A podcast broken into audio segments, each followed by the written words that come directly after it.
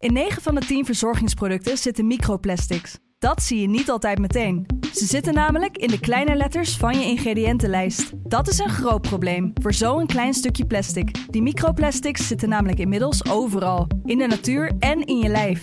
Gelukkig zijn er ook merken die gewoon microplastic vrij zijn. Want dat het anders kan, dat weten we bij Beleda, Lekker Company, Marcel's Green Soap, Naïef, Smaal en Witlof wel. Dus check de kleine letters. Die hebben de grootste impact.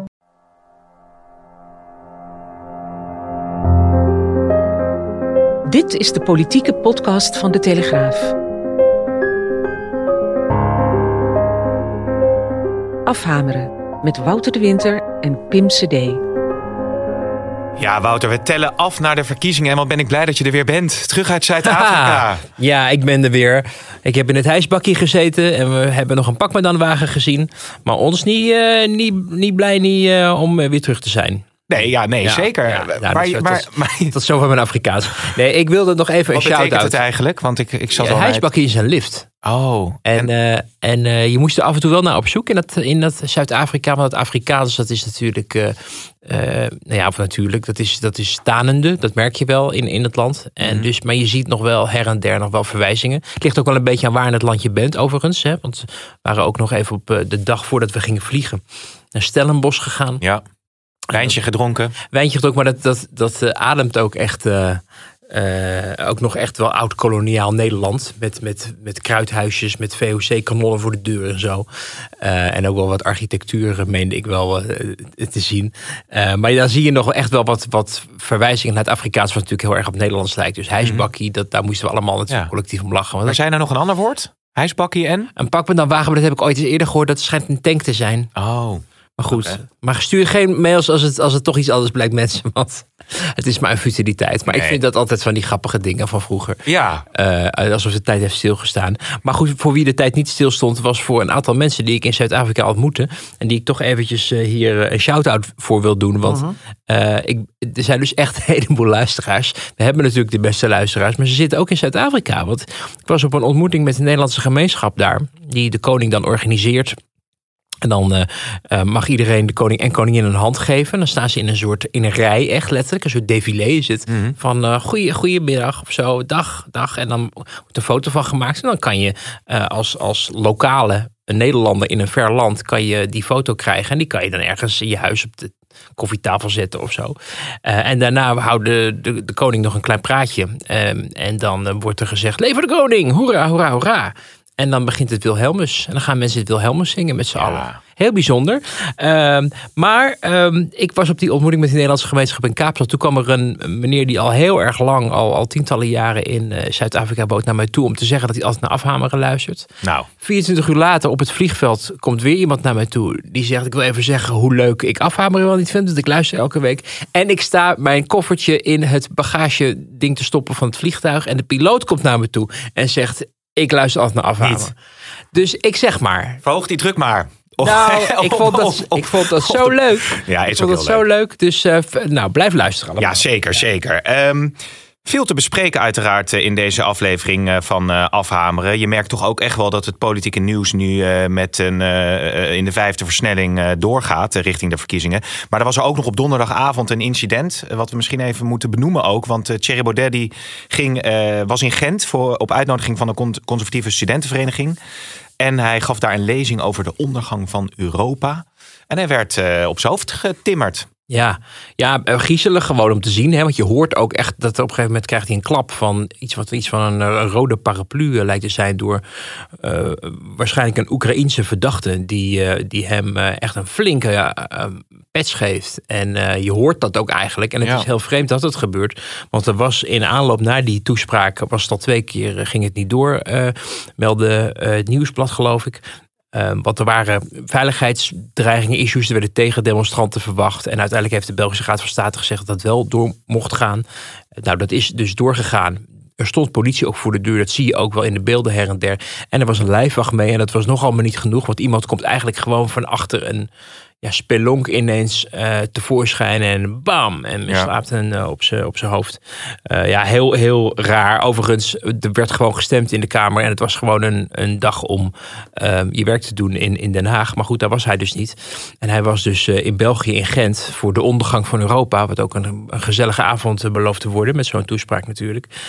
Maar natuurlijk onacceptabel dat een, dat een, een, een politicus, je moet natuurlijk voor alle mensen afblijven, maar een politicus die iets zegt wat je niet bevalt, die, die timmer je niet in elkaar of daar doe je niks anders gewelddadigs tegen. Nee. Dus eh, dat zet de boel wel weer op scherp, omdat eh, nou, we hebben natuurlijk de associaties met Pim Fortuyn, die werd vermoord omdat hij iets zei wat, wat een aantal mensen, waaronder Volkert van der Graaf, niet beviel. Je hebt natuurlijk ook die taart, hè, wat ook al zo'n eh, ja, zo'n naargeestig incident was. Ja, een, echt een waarschuwing of zo achteraf leek te zijn geweest voor wat, wat er nog meer ging dreigen. En ehm, ja, echt bizar dat dat kan. Nu is het in België, maar reken maar dat men natuurlijk in Nederland bij de veiligheidsdiensten ook zich weer even achter de oren krabt.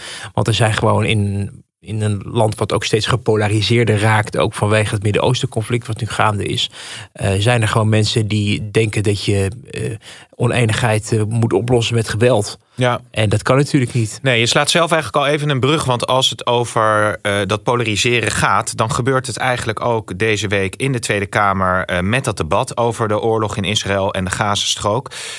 Ik zat te kijken op mijn Twitter en ik zag dat fragment voorbij komen dat Sylvana Simons haar middelvinger opstak. En ik dacht, is het nou echt? Want je wil natuurlijk niet iets, iets delen eh, of, of, of retweeten eh, als het niet klopt. Dus ik heb het echt eh, zitten kijken en denk, ja, ze steekt gewoon echt de middelvinger op. Ja. Het was gewoon, er was gewoon irritatie en, en frustratie. En iedereen had het met elkaar gehad. Ja. En toen dacht ik van ja, als je in een gepolariseerde samenleving leeft, is het wel fijn als de politiek het hoofd koel houdt. Nou ja, dat is. en dat, is- gebeurde niet. Dat gebeurde niet. Nu is het wel eens eerder gebeurd, zag ik ook weer op het verschrikkelijke Twitter. Ja. Namelijk dat Dirk Boswijk eh, kennelijk ook een keer eh, bij wijze van grap het heeft, eh, zijn vinger- middelvinger heeft opgestoken. Zag ik ook weer voorbij komen. Maar ja, het zegt natuurlijk wat over de omgangsvormen en, en ook het gebrek aan respect wat je voor elkaar hebt. Ehm, kijk, dat je met de standpunten niet eens bent, dat, dat mogen duidelijk zijn. Daarom zit je ook in de politiek. Daar probeer je elkaar ook op het scherpst van de snede te bevragen. Om, om, het is toch ook een ideeënstrijd in de Tweede Kamer. En eh, ook, een beetje theater natuurlijk. Eh, maar het zijn toch wel altijd meen ik toch wel te zeggen, mensen die stuk, stuk voor stuk het beste willen voor Nederland. Alleen dat vanuit hun eigen gedachtegoed of visie of overtuiging eh, proberen eh, over het voetlicht te brengen. En dan past het niet om het moment dat iemand je toch het bloed onder de nagels vandaan haalt, omdat hij iets zegt wat je persoonlijk raakt of eh, wat, je, wat je gewoon politiek niet, niet met hem eens bent of met haar eens bent, dat je dan ehm, ja, gaat schelden of je vinger of weer opsteekt of wat dan ook. Maar goed, één ding zeker, Sylvana Simons eh, zien we nog één keer in de Tweede Kamer. Dat is als een bos bloemen krijgt bij de afscheid op Ja. 5 december. Ja, is 5 december. Hè? Dan eh, komt de Kamer nog één keer in de oude samenstelling eh, bij elkaar. Dat is ook dan het afscheid van eh, Vera Bergkamp. Die overigens haar moeder ook nog bedankte hè? bij het Vragenuur. Ja, maar ja, weet je, weet je, weet je nog hoe we tweeënhalf jaar geleden hier zaten? Ja. Dat ze de beste vriendin aan het bedanken was. Ja, zeker. Nee, Ja, ja, goed, en ja. nu, nu was het de moeder die in het zonnetje werd gezet. Zo, Gewoon het heeft ook wel iets aan, aandoenlijks of zo. Maar het is geen schoolkrant, hè? Ja, het, het- ik vind het toch een kleuterklas. En, en eigenlijk zo- zo'n opmerking. Hè? Het is het parlement niet. Het is niet. Je zit hier bij 50 poppen of een envelop. We gaan niet de groetjes doen. Mag ik nog even de groetjes doen? Oh ja, mam, ik, ik ben op tv. Ben je kamervoorzitter, notabene. Ja. Maar goed, het, mag, al- het kan allemaal. Het is niet voor niks natuurlijk dat zij eh, ook het veld eh, ruimt eh, na de verkiezingen. Want haar voorzitterschap is natuurlijk eigenlijk ook mislukt. En ehm, ik vond wel dat ze de afgelopen maanden juist eindelijk zich herpakte. Eindelijk het gezag probeerde uit te stralen en de, en de orde en het aanzien van de Tweede Kamer bewaakte. Hè, dus een paar keer ook zei van geen persoonlijke aanvallen. En gewoon ook die microfoon dichtzetten en zegt... We hebben genoeg, ge- genoeg van u gehoord. Zoals Gerdy Verbeet dat deed. Zoals Khadija Ariep dat deed. Zoals, ik denk Wijsglas vroeger ook nog.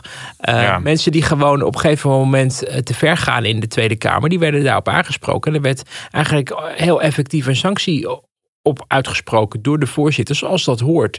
En dat heeft helemaal niks te maken met, oh, ik mag het niet zeggen allemaal. Maar het gaat er gewoon om dat je als je voorzitter bent, je belast ook bent met het bewaken van het aanzien van het parlement. Dat is eigenlijk groter dan al die individuele Kamerleden.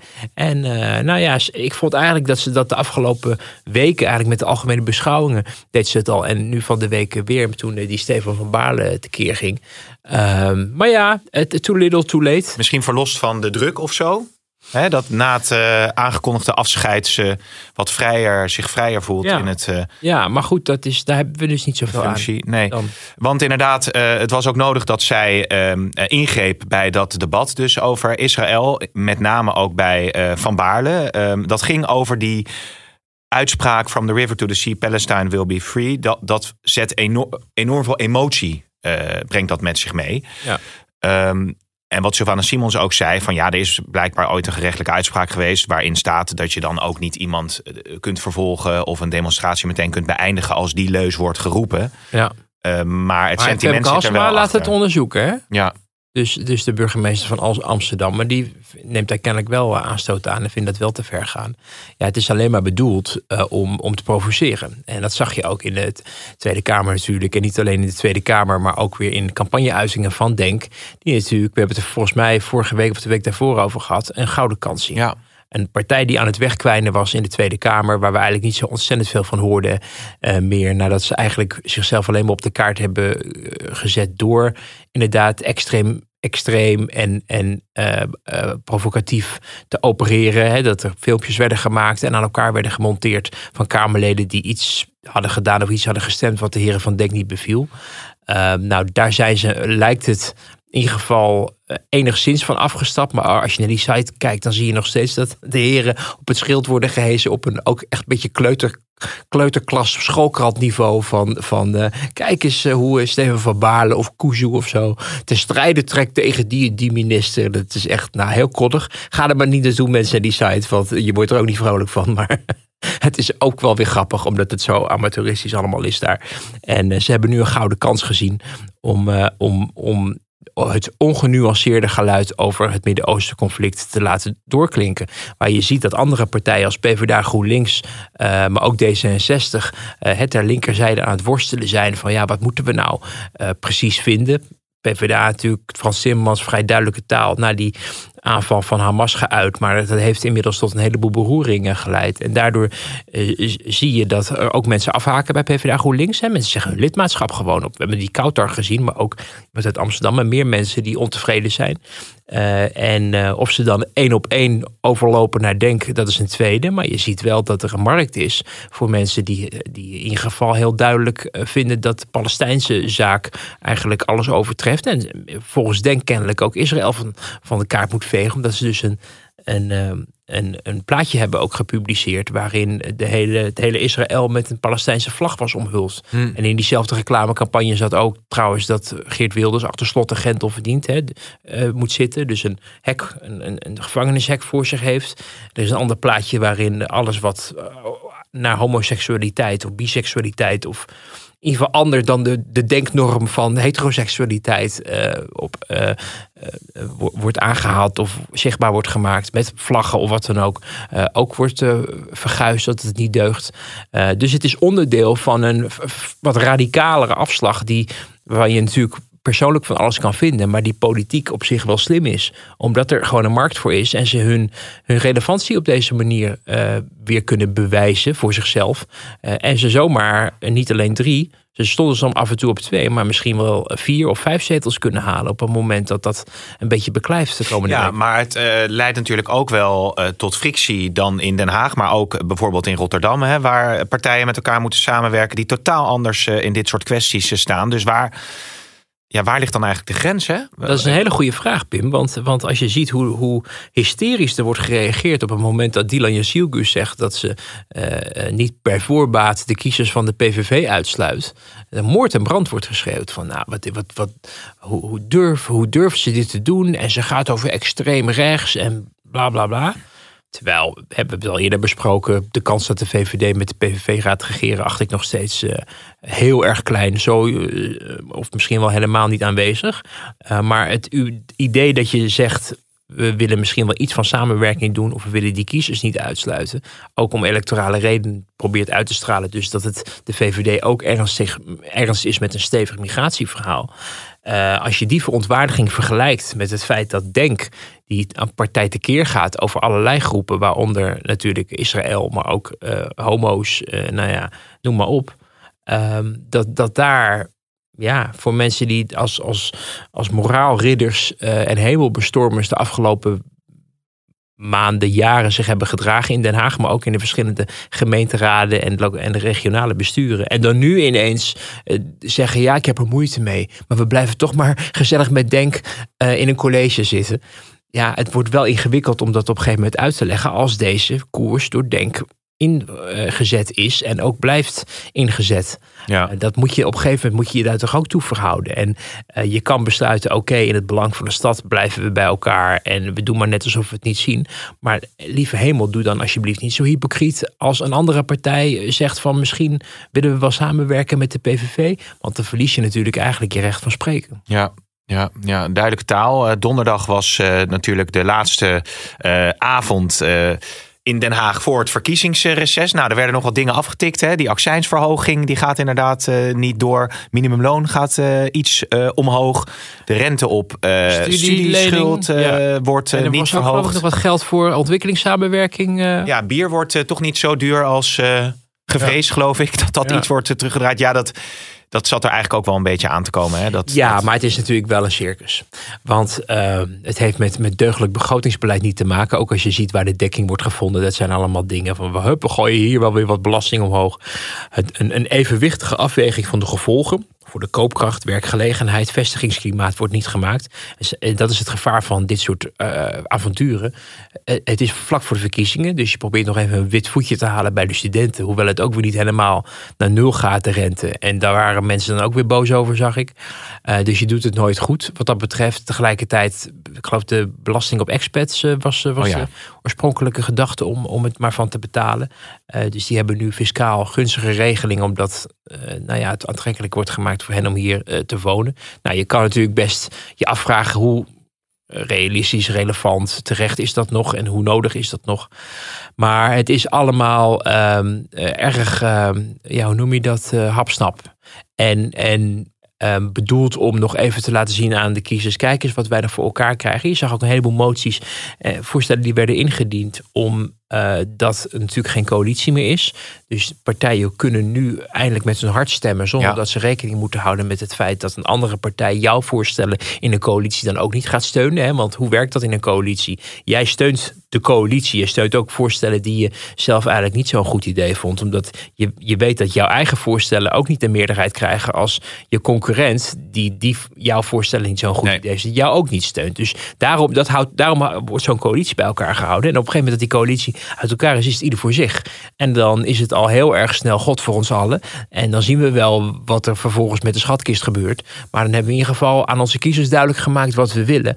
Maar, maar ja, er wordt dan al heel snel gegrepen naar, naar, naar potjes en dingetjes waarvan je denkt, ja, uh, hap-snap-beleid. Groeifonds, hè, wordt dan uh, in. Uh, onder, onder andere. Terwijl de grote effecten, hè, waar was het groeifonds? Het is nu een graaifonds geworden we pakken er gewoon het geld uit als we het nodig hebben. Dat was nou net niet de bedoeling. Vond de Kamer zelf trouwens ook een groot probleem. Hè? Dat, er, dat het gevaar bestond dat een volgend kabinet zomaar een greep kon doen in, het, in ja. de kas. Nou, nu denken uh, mensen van ha, die fondsen, ach, moeten we er eigenlijk mee? We pakken het geld wel. Terwijl dat geld dus ook niet ergens op de plank ligt. Maar dat moet dus geleend worden. Hè? Want dat was het idee van, de, van, van zo'n fonds. Dat je um, daar ook, als je dat gevuld wil houden... of daar dingen voor dingen uit wil halen, dat je daar dan uh, geld voor moet lenen. Dus het is allemaal, uh, ja, ik vind het allemaal niet zo fraai. En um, um, ja, uh, dat hoort er kennelijk bij. Ja, het uh, zwaarder belasten van expats is overigens een van de punten ook uh, die Pieter Omzicht in zijn verkiezingsprogramma heeft, heeft staan. Het minder aantrekkelijk maken voor expats ja. om hier naartoe te komen. Ja, en, en, en weet je wat ook is trouwens, Pim? Er wordt ook altijd heel erg makkelijk gegrepen naar dingen waar je je van afvraagt van ja, uh, waarom zouden we er eigenlijk tegen zijn? Het verhogen van uh, de tabaksaccijns, het verhogen van de gokbelasting. Weet je, allemaal dingen waar men denkt van nou, daar kan best nog wel wat, wat bij. Terwijl op een gegeven moment een pakje sigaretten zoveel duurder is. En dan denk je, oh ja, het is goed voor de volksgezondheid. Maar wie, Jort Kelder had daar laatst wel een interessante observatie over bij VI notabene. Uh, dat hij zei, ja, als je, als je er zijn ook wel mensen die aan de onderkant van het inkomensgebouw naar die genotsmiddelen grijpen. Sigaretten, check en dat soort zaken. En als je dat duurder gaat maken, dan raak je eigenlijk hen in de portemonnee. Ja. Terwijl je aan de andere kant aan het roepen bent, ja, eh, eh, die arme mensen moeten we extra ondersteunen. Ja, Dus- moeten ze maar stoppen is dan misschien de gedachte. Hè? ja, ja, maar goed, de Maar praktijk leert dat mensen Nee. zich niet altijd door de overheid laten vertellen wat ze in hun leven moeten doen. Ja, terug naar de dinsdag. Man, man, man, wat een circus was dat. Hè? We togen weer naar eh, Den Haag, weer naar Nieuwsport, waar Pieter Omtzigt zijn verkiezingsprogramma eh, presenteerde. Was wel aardig trouwens, wel een beetje journalisten ding, maar dat programma werd dan uitgedeeld, 100 pagina's rijk. Maar we mochten de titel nog niet delen. Totdat het eh, op, de, op de achtergrond werd eh, getoond. Dus het was tijd voor herstel. Dus ik denk, ja, Jezus, moet je daar dan op wachten totdat het ook echt. Nee. eh, nee. Waarom doe je dat dan? Nee, heb ik ook niet gedaan. Heb je- als je- Uiteindelijk. je nee, toen dacht, ik, nu, toen dacht ik, nu is het wel, nu is het wel klaar. Ja. Om zich met natuurlijk dat helemaal ja, oppompen van, van de spanning naar dat verkiezingsprogramma. Maar goed, het was weer een, moment waarin eh, in de schijnwerpers stond. Mhm.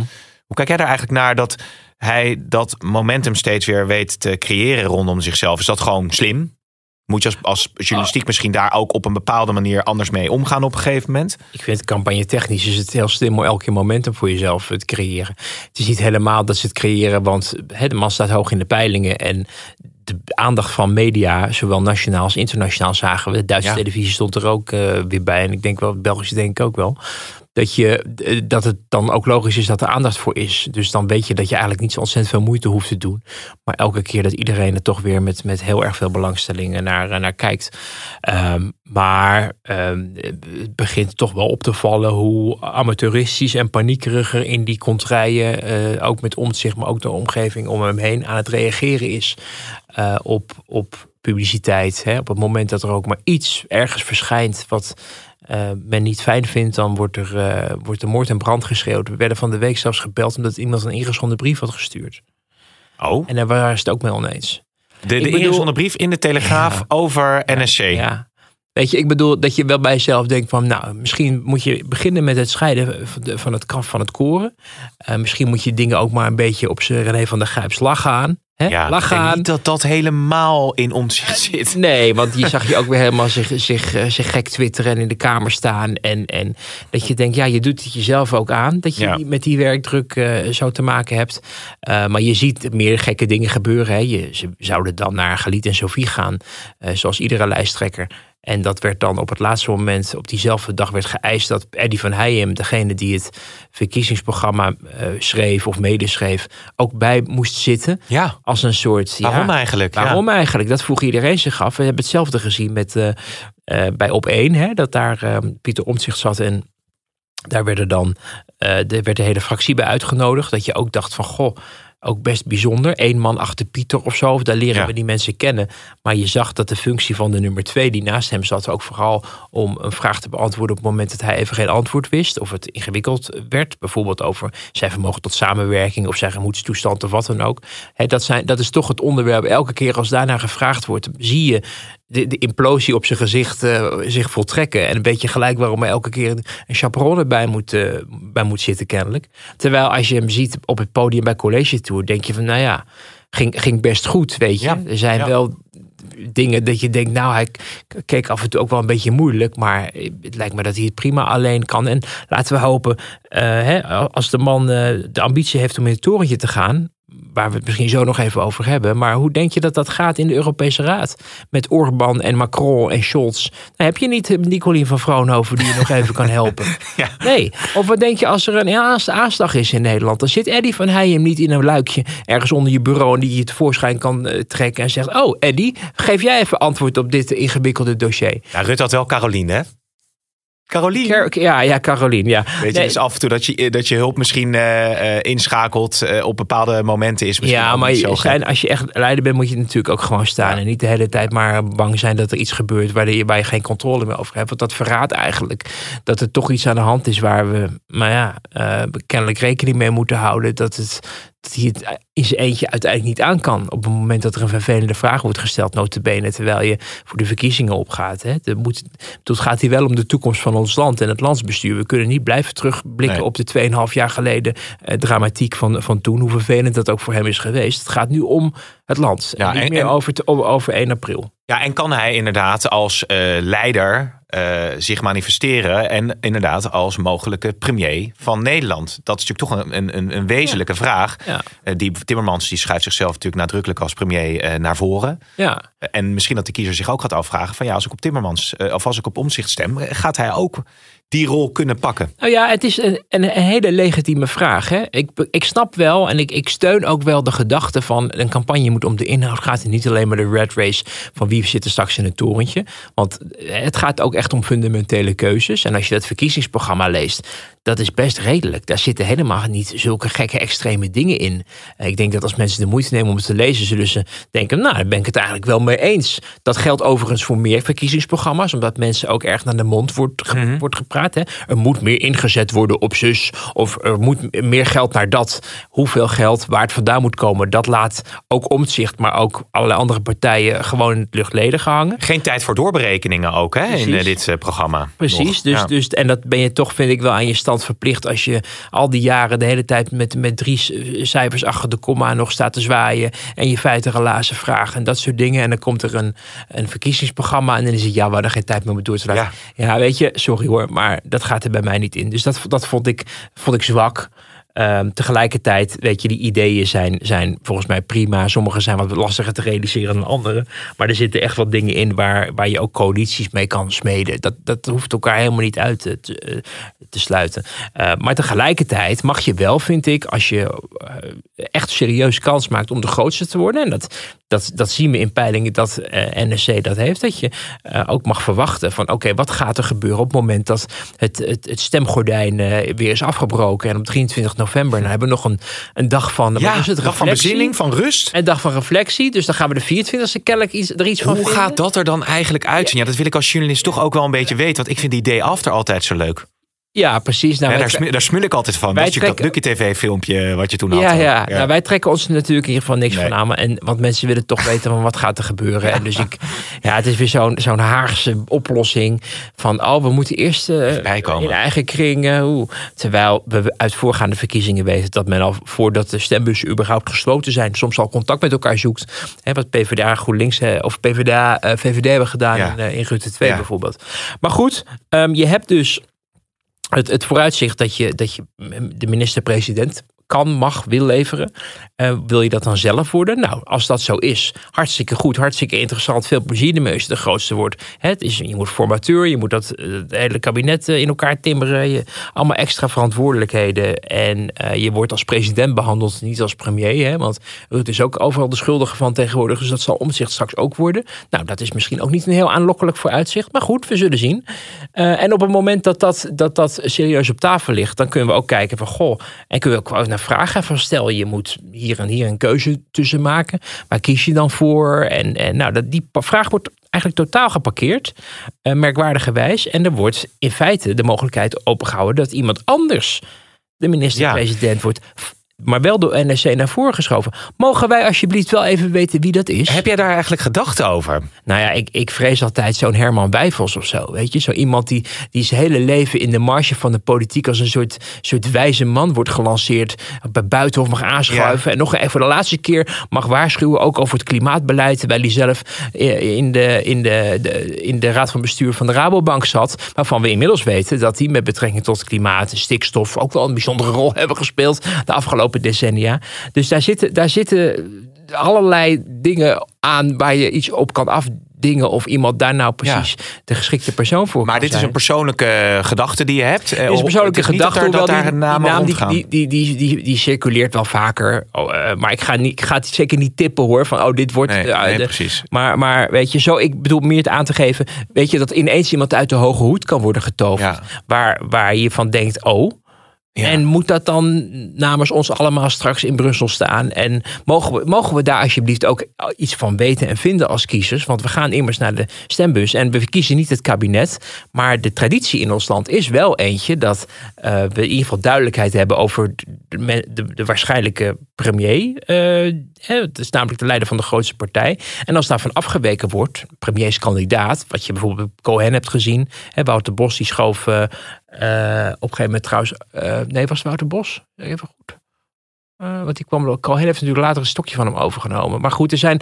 Wiegel van Aartsen was lijsttrekker. Die had een soort tandem met Wiegel bedacht. Ja. Maar dan heb je in ieder geval duidelijkheid over wat je mag verwachten. En nu weten we er eigenlijk helemaal niets voor. En op het moment dat we naar vragen krijg je te horen... ja, daar gaat de campagne niet over. Nou, dat maken wij wel uit. Ja, en als, ja, kiezers, ik, als kiezers. Ik, zit dan, als je dan een één op één hebt met omzicht... Uh, ben je bijna terughoudend om die vraag überhaupt nog te stellen. Want het levert weer zo een uh, geïrriteerde reactie op... dat je denkt van, nou ja, ik blijf daar maar van Ja, weg. maar hoe gaat dat eigenlijk straks dan? Als je, als je bij de persconferentie ja, van de, de, persconferentie... en je krijgt een vraag die je niet bevalt... krijgen we dan alleen maar geïrriteerde gezucht en, en moeilijk... En, en kijk naar links om of de RVD het wil overnemen, want, want uh, van Vroonhoven en Eddie van Heijem zijn er niet bij. Weet je, wat gaan we eigenlijk zien? Dus het, zijn, het is echt een legitieme vraag en er moet gewoon duidelijkheid Ja. over komen voor de verkiezingen. Overigens heb je wel dan eh, de tijd om, om, om verder een goed interview eh, met hem te kunnen afnemen. Dus dat is ook alweer zo. Ik geloof dat hij twee uur daar bezig is, is geweest. Waardoor Het je is dan... best een opgave om een goed Waardoor je interview dan met hem te doen. Ja, Want je, er gaan de hele tijd worden de afslagen ge- eh, genomen en zijpaden. En dan moet je hem weer terug naar het hoofdpad Ja, eh, en, en, en je probeert hem toch altijd in een bepaalde eh, ja, vorm te krijgen. Dat je dan daarna weer het meeste eruit kunt halen. Zo ben ik helemaal bezig altijd met omzicht. Ja, maar dat vindt hij dus heel vervelend. Dat je hem in een vorm probeert te krijgen. Want hè, dat is, daar moet het toch niet over gaan. Het moet toch over de inhoud gaan. Nou ja. Weet je wat? Weet je wat? We, we gaan gewoon samen met Frans Timmermans op een podium zitten. We laten die vervelende journalisten laten we lekker links liggen. En we gaan in onze eigen commune Ja, gezellig nou. babbelen met elkaar. En zo maak je weer zelf, zelf de brug. eh, want maandag is inderdaad in Arnhem dan eh, georganiseerd door de partijen zelf. Een gesprek geleid door Diana Matroos. Met misschien nog een debat eh, ja, gedeelte aan het einde. Tussen die twee partijen, Timmermans en uh, Omtzigt gaan dan met elkaar in journalisten hoorde gesprek. ik iemand op de radio zeggen. Oké, nou, waarvan akte, Ja. toch? Dat is dus zelf... Ken jij daar nog? Eh, Jij hebt Zeker wel, vanuit eh, RTL toch Nieuws. RTL. En? Ja, god, eh, leuk dat ze, dit, dat ze dit doet, toch? Ik vroeg me inderdaad, ik stond vanochtend te douchen. Toen dacht ik van, hé, hey, wie organiseert dat dan eigenlijk? Zo'n... eh, Ho, ho. Niet zeg- weglopen erbij. Ik denk heel veel na dacht, over de Je douche. hebt, hebt vroeger met Oh, haar bij RTL gewerkt. En, en toen dacht je bij jezelf, ja, weet je, als er verkiezingen komen, zij, haar schuiven naar voren en dan gaat zij dat, verk- dat verkiezingsdebat gaan stellen. Nou, ik denk dat, ehm, dat eh, Diana Matroos iemand is zoals je natuurlijk veel meer eh, presentatoren hebt. Die worden eh, die in een, in een bak zitten eh, van veel gevraagde sprekers. En die worden dan uitgenodigd. Heel om- gevraagd ook. Dat denk Zo. ik wel. Dat denk ik wel. En zij wordt dan gevraagd om dat debat eh, te leiden. Ze heeft ook bij BNR, eh, geloof ik, eh, programma's of programma's gehad. Maar Mhm. als je het hebt over een journalistiek zwaargewicht op politiek vlak. Mhm. Ja, dat zal ze zelf ook wel beamen. eh, dat, dat dat niet haar achtergrond is. Nee, en, en, en dat, dan raak je dus ook Kom precies... ik er zo goed uit? Ja, Sorry, ik dacht, je gaat het hebben over mijn douchebeurt van vanochtend. Maar goed, dit... eh, als- ja, je probeert, je, je allerlei zijpaden in om de aandacht af te leiden. Ja, Kunt u het zich voorstellen, dames en heren? Hij stond onder de douche vanochtend. Enfin. Enfin. Nee, maar je staat precies. Je, je- je bedoel, je, je, je, je zegt, je legt de, zing- de vinger ook wel op de zere plek wat dat betreft. Want het, het is natuurlijk inderdaad zo dat. eh, eh, er is niet voor niks dat verkiezingsdebatten bij media plaatsvinden. Eh, dan, je ziet vanuit omzicht al een tijdje eh, de behoefte om maar niet door een hoepeltje te hoeven springen. Want stel je voor dat hij het ingewikkeld krijgt en hij wil vooral zelf de regie in handen houden. Doet niet mee in het debat van het noorden, doet niet mee in het debat van het zuiden. Eh, er was zelfs ook nog twijfel of hij het tweede RTL-debat wel wilde doen, begreep ik. Ehm, eh, nou, er zijn wel meer. we willen ook niet overal interviews geven. Want stel je voor dat dat een beetje eng en vervelend gaat worden. Dus je ziet dat daar.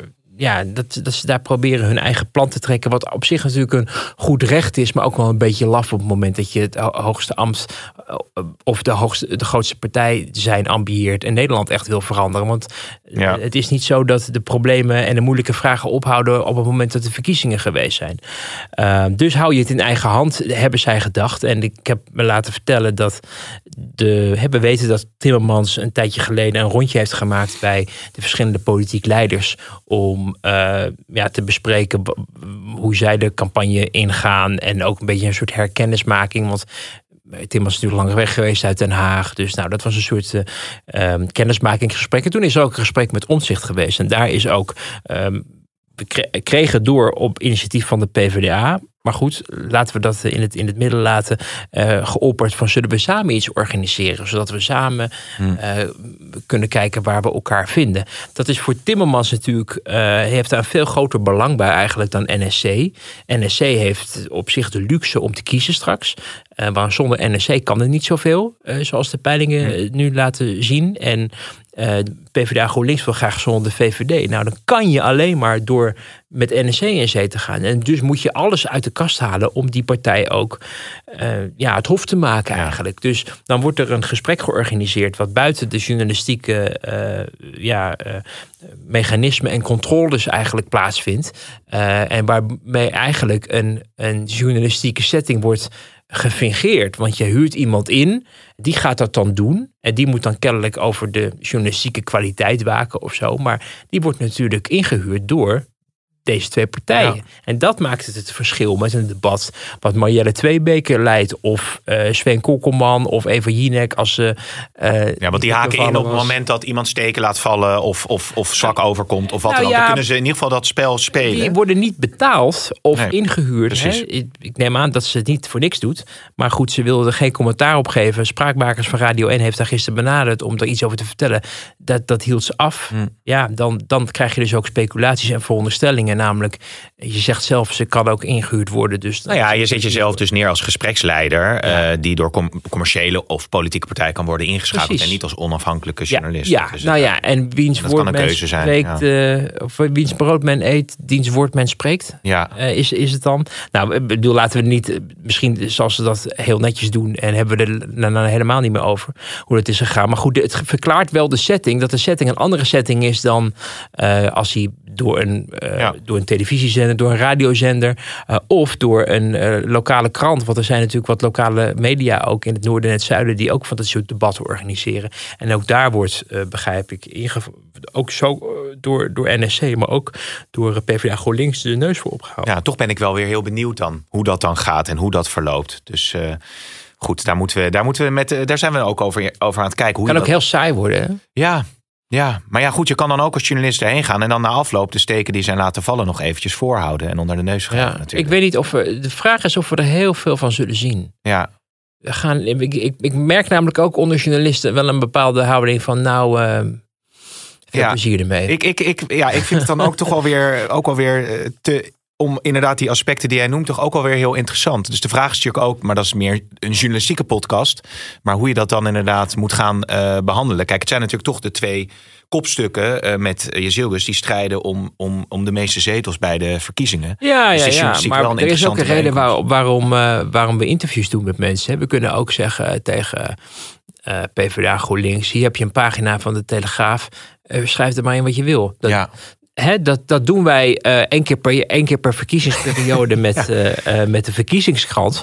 Maar dan wel met onder wel nadrukkelijke verantwoordelijkheid ook van de hoofdredactie natuurlijk. Dat er geen strafbare feiten. Nee. Maar dat is, dat is ook een ludieke manier om jezelf te presenteren. Om met, met leuke rubriekjes. Wat we natuurlijk dit jaar ook weer gaan doen. Zeker. Op, op 12 november is het zover. En wij zijn er ook weer allebei bij om ja. nog eventjes de, de interviews te doen natuurlijk. die worden uitgezonden op allerlei platforms. Ja, dus waar dat, we dus wel weer onze journalistieke... Ja, maar, hanteren? Ja, want zo kaderen we dat dan in.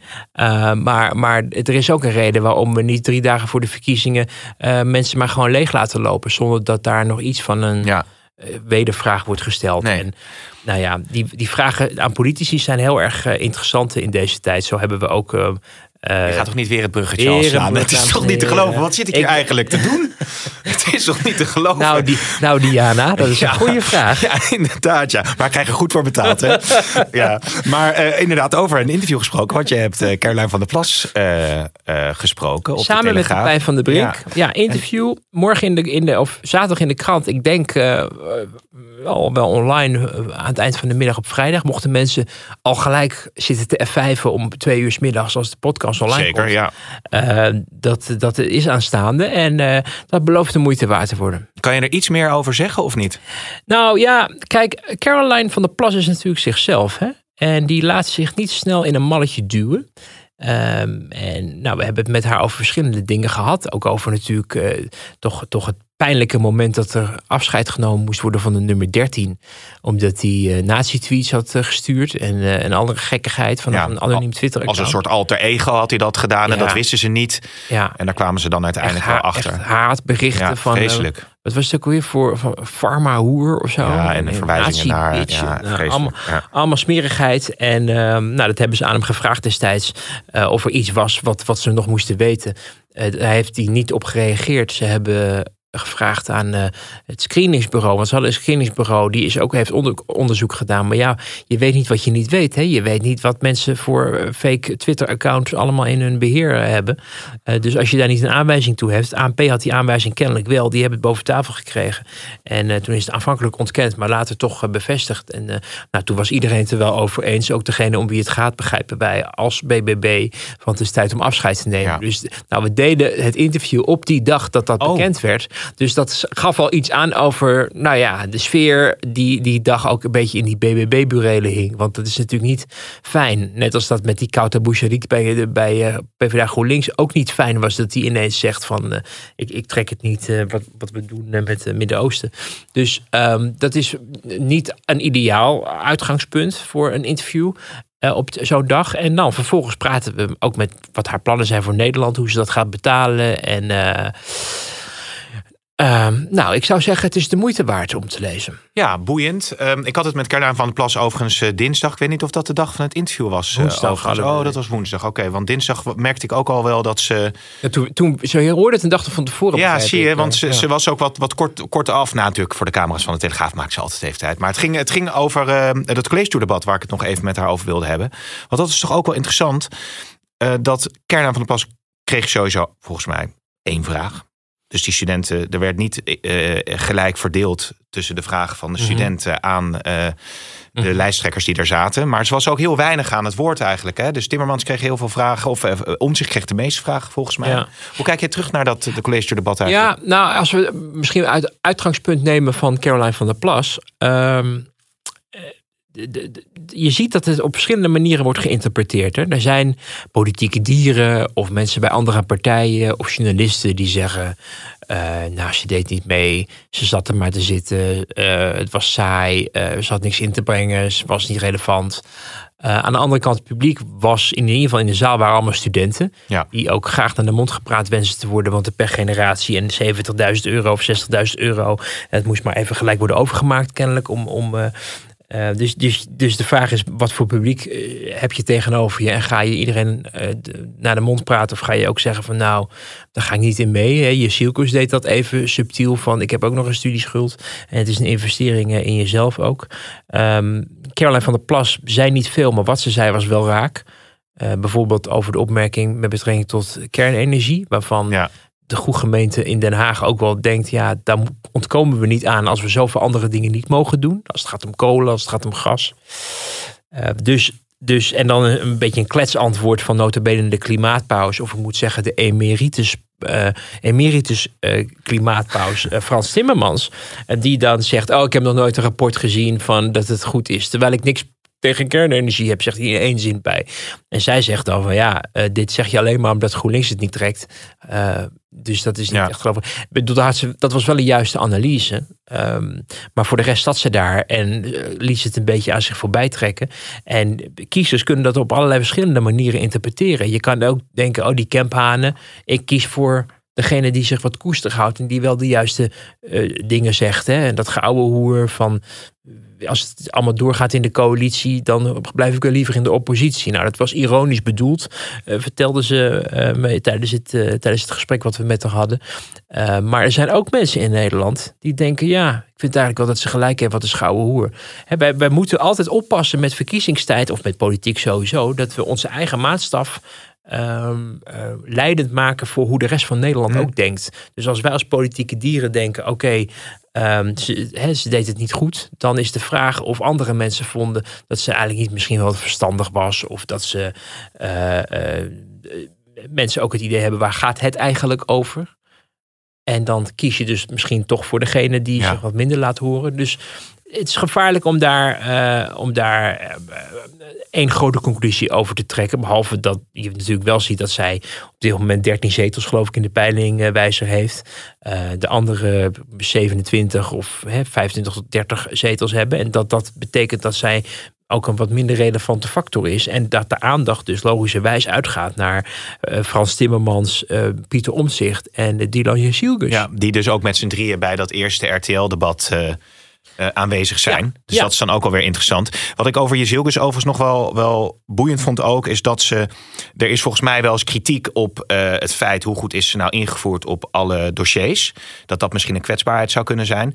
Maar wat ook blijkt is dat ze natuurlijk best wel een politiek loopbaan achter de rug heeft. En toen het ging over de overheveling van zorg naar gemeente... Mm door best een uh, indrukwekkend verhaal van een student die zei: Ik heb suïcide-neigingen gehad. En het heeft zo lang geduurd voordat ik aan de beurt was. Toen zei zij ook van: Nou, ik heb vanuit mijn ervaring in de gemeente Amsterdam. Mhm. Heel erg veel daarmee te maken gehad. En ik heb ook gezien dat het positieve kanten heeft gehad. Dus toen dacht ik: hé, hey, dat is toch wel daar, daar weet ze dan toch wel een, een eigen draai aan uh, te geven. Kijk, zij wordt net als de anderen, Timmermans is ook getraind, hè, debatsetting uh, uh, ook gehad. Maar Jesiel is natuurlijk ook achter de schermen getraind door allerlei partijgenoten. Soms ook met rollenspellen om te kijken van oké, waar liggen je sterke punten? Waar moet je op beducht zijn in debatten of in interviews?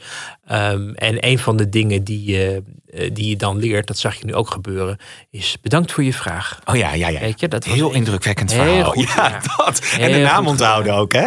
Dat vond ik ook zo mooi. Ja. Frans kan geloof ik tien minuten later nog met, nou Kareltje, ja, ja. een verhaal. Dat ik, ik zou het al lang vergeten. Ja, dat bedoel ik niet oneerbiedig. Nee. Maar als je al die indrukken opdoet, dan ben je dat misschien Maar dat soort trucjes leer je. En je leert dus ook om, om te refereren.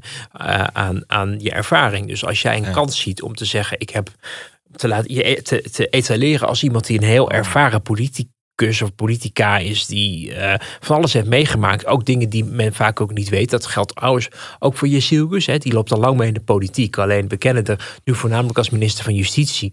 Maar ze heeft natuurlijk ook nog in de Tweede Kamer als staatssecretaris Klimaat. Maar ook nog in de gemeenteraad van Amsterdam. Ook echt wel uh, haar sporen verdiend. En daar ook ervaring en inzichten op gebouwd. Door eraan te refereren in zo'n debat even heel slinks van ja, ik heb dat en dat. Denk je bij jezelf als kiezer, hopen ze dan bij de campagne team van hel. Ja, oh, ze weet wel waar ze het over heeft. Weet je, ze heeft ervaring. En je hebt mensen die ervaring Ehm, tot een soort campagne-inzet maken. Dat doet PvdA GroenLinks hè, met Frans Timmermans, de premierskandidaat. En uh, nou, die moest aanvankelijk toch op verkiezingsposters. Maar nu komen er dus allerlei peilingen naar buiten. Dat die buitengewoon impopulair is onder een groot deel van het electoraat. Wat voor hem heel lastig is, omdat je wel populair kan zijn bij je eigen uh, clubje van PvdA GroenLinks. En misschien nog wat afgetwaalde D66-kiezers. Maar de bedoeling was om naar het midden op te schuiven. En niet alleen gelijk te hebben, maar ook gelijk te krijgen, zei hij. En daar moet je dus eigenlijk een uitgestoken hand bieden en hopen dat je ook acceptabel bent voor mensen die niet in het linkse kamp zitten. Nou, die, die peilingen die nu uh, her en der, Ipsos geloof ik ook van de week, uh, we hadden Maurice de Hond al, uh, dat je ziet, volgens mij was een daar ook met zoiets bezig, dat je, dat je dat je ziet dat de impopulariteit, of eigenlijk de negatieve cijfers voor Timmermans, waar die vroeger eigenlijk heel erg voor Wilders golden, was nu in de peiling van Maurice de Hond nipt Timmermans nog impopulairder dan Wilders. Nou, als je dan je hele campagne hebt opgebouwd op de ervaren staatsman uit Europa die ons land ja. komt redden, dan is dat een behoorlijke tegenvaller. Dan zie je dus ineens dat hij uit een campagnefilmpje verdwijnt. Ja. En, en um, uh, dus het is, het is ook in die debatten is het interessant om te zien wie verrast door met kennis te komen van je denkt, oh, dat wisten we nog niet. Maar omgekeerd is het ook zo dat op een moment dat dat je verwacht van iemand dat hij eigenlijk op alles een antwoord heeft, want hij was toch zo ervaren. En het gaat in de eerste, de beste vraag over kernenergie. En je blijkt niet op de hoogte te zijn, je rapporten niet te kennen en je feit niet te kennen.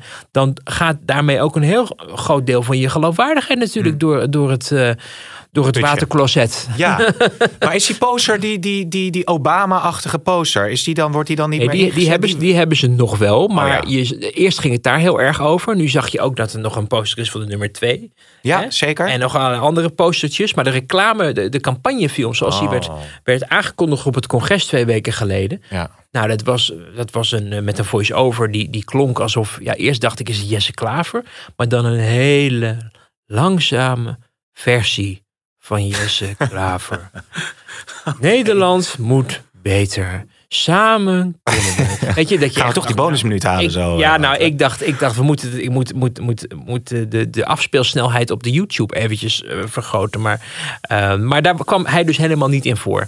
En dat, dat kan onmiskenbaar moet dat te maken hebben met het feit dat je ontdekt dat je niet je hele campagne aan Frans Timmermans op kan hangen. En eh, dus in die debatten zie je dus, hè, je ziet wie wint er of wie is schrap van de tongriem gesneden, maar ook in de formuleringen die gekozen worden, zie je ook de voorbereiding. En zie je goed dat je het vraagt en terecht en Ja, sommige ingestudeerde one-liners natuurlijk ook. En waar eh, misschien Jezilgus, dan hoor je af en toe ook nog wel twijfel over, ook in de eigen kring van goh, hoe zit het met haar financiële kennis, hoe zit het met de Europese kennis. Ehm, ze is heel goed in rap van de tongriem zijn. Dus er gebeurt iets en het is gelijk, ook als een verdedigingsmechanisme. Als je een moeilijke vraag krijgt, gelijk, Ja. eh, hoezo vraag je dat of zo? Ja. Of waarom zou ik dat niet? Weet je, gelijk, gelijk een wedervraag, gelijk er tegenin. Eh, dat is haar manier van opereren.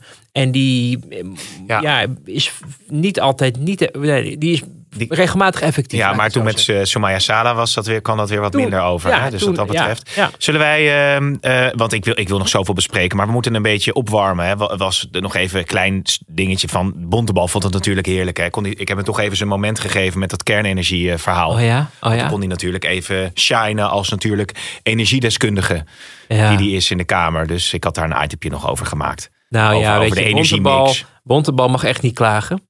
Want die krijgt echt veel meer aandacht dan, dan, eh, dan eh, je aannemelijk zou mogen Ja. maken. Met En deze want die zag ik eh, delen op zijn Insta dat hij op Radio 2, geloof ik, ergens nog eh, Zo, aan het ze heeft best praten was. zender geloof ik toch? Of niet? Oh ja, of was het Radio 5? Nou ja, ik weet het niet. Het Ik is wil eigenlijk Radio zijn. Veronica, Sublime en Slam natuurlijk tegenwoordig. Dat zou ook Dus- kunnen, want daar zitten wij. zitten eh, wij hier in de studio. Nee, maar, maar ehm, eh, ja, dat wordt natuurlijk ook heel interessant. Hoe gaan de, de kleinere partijen, hè, ze, zijn nu nog niet klein, maar in peilingen wel.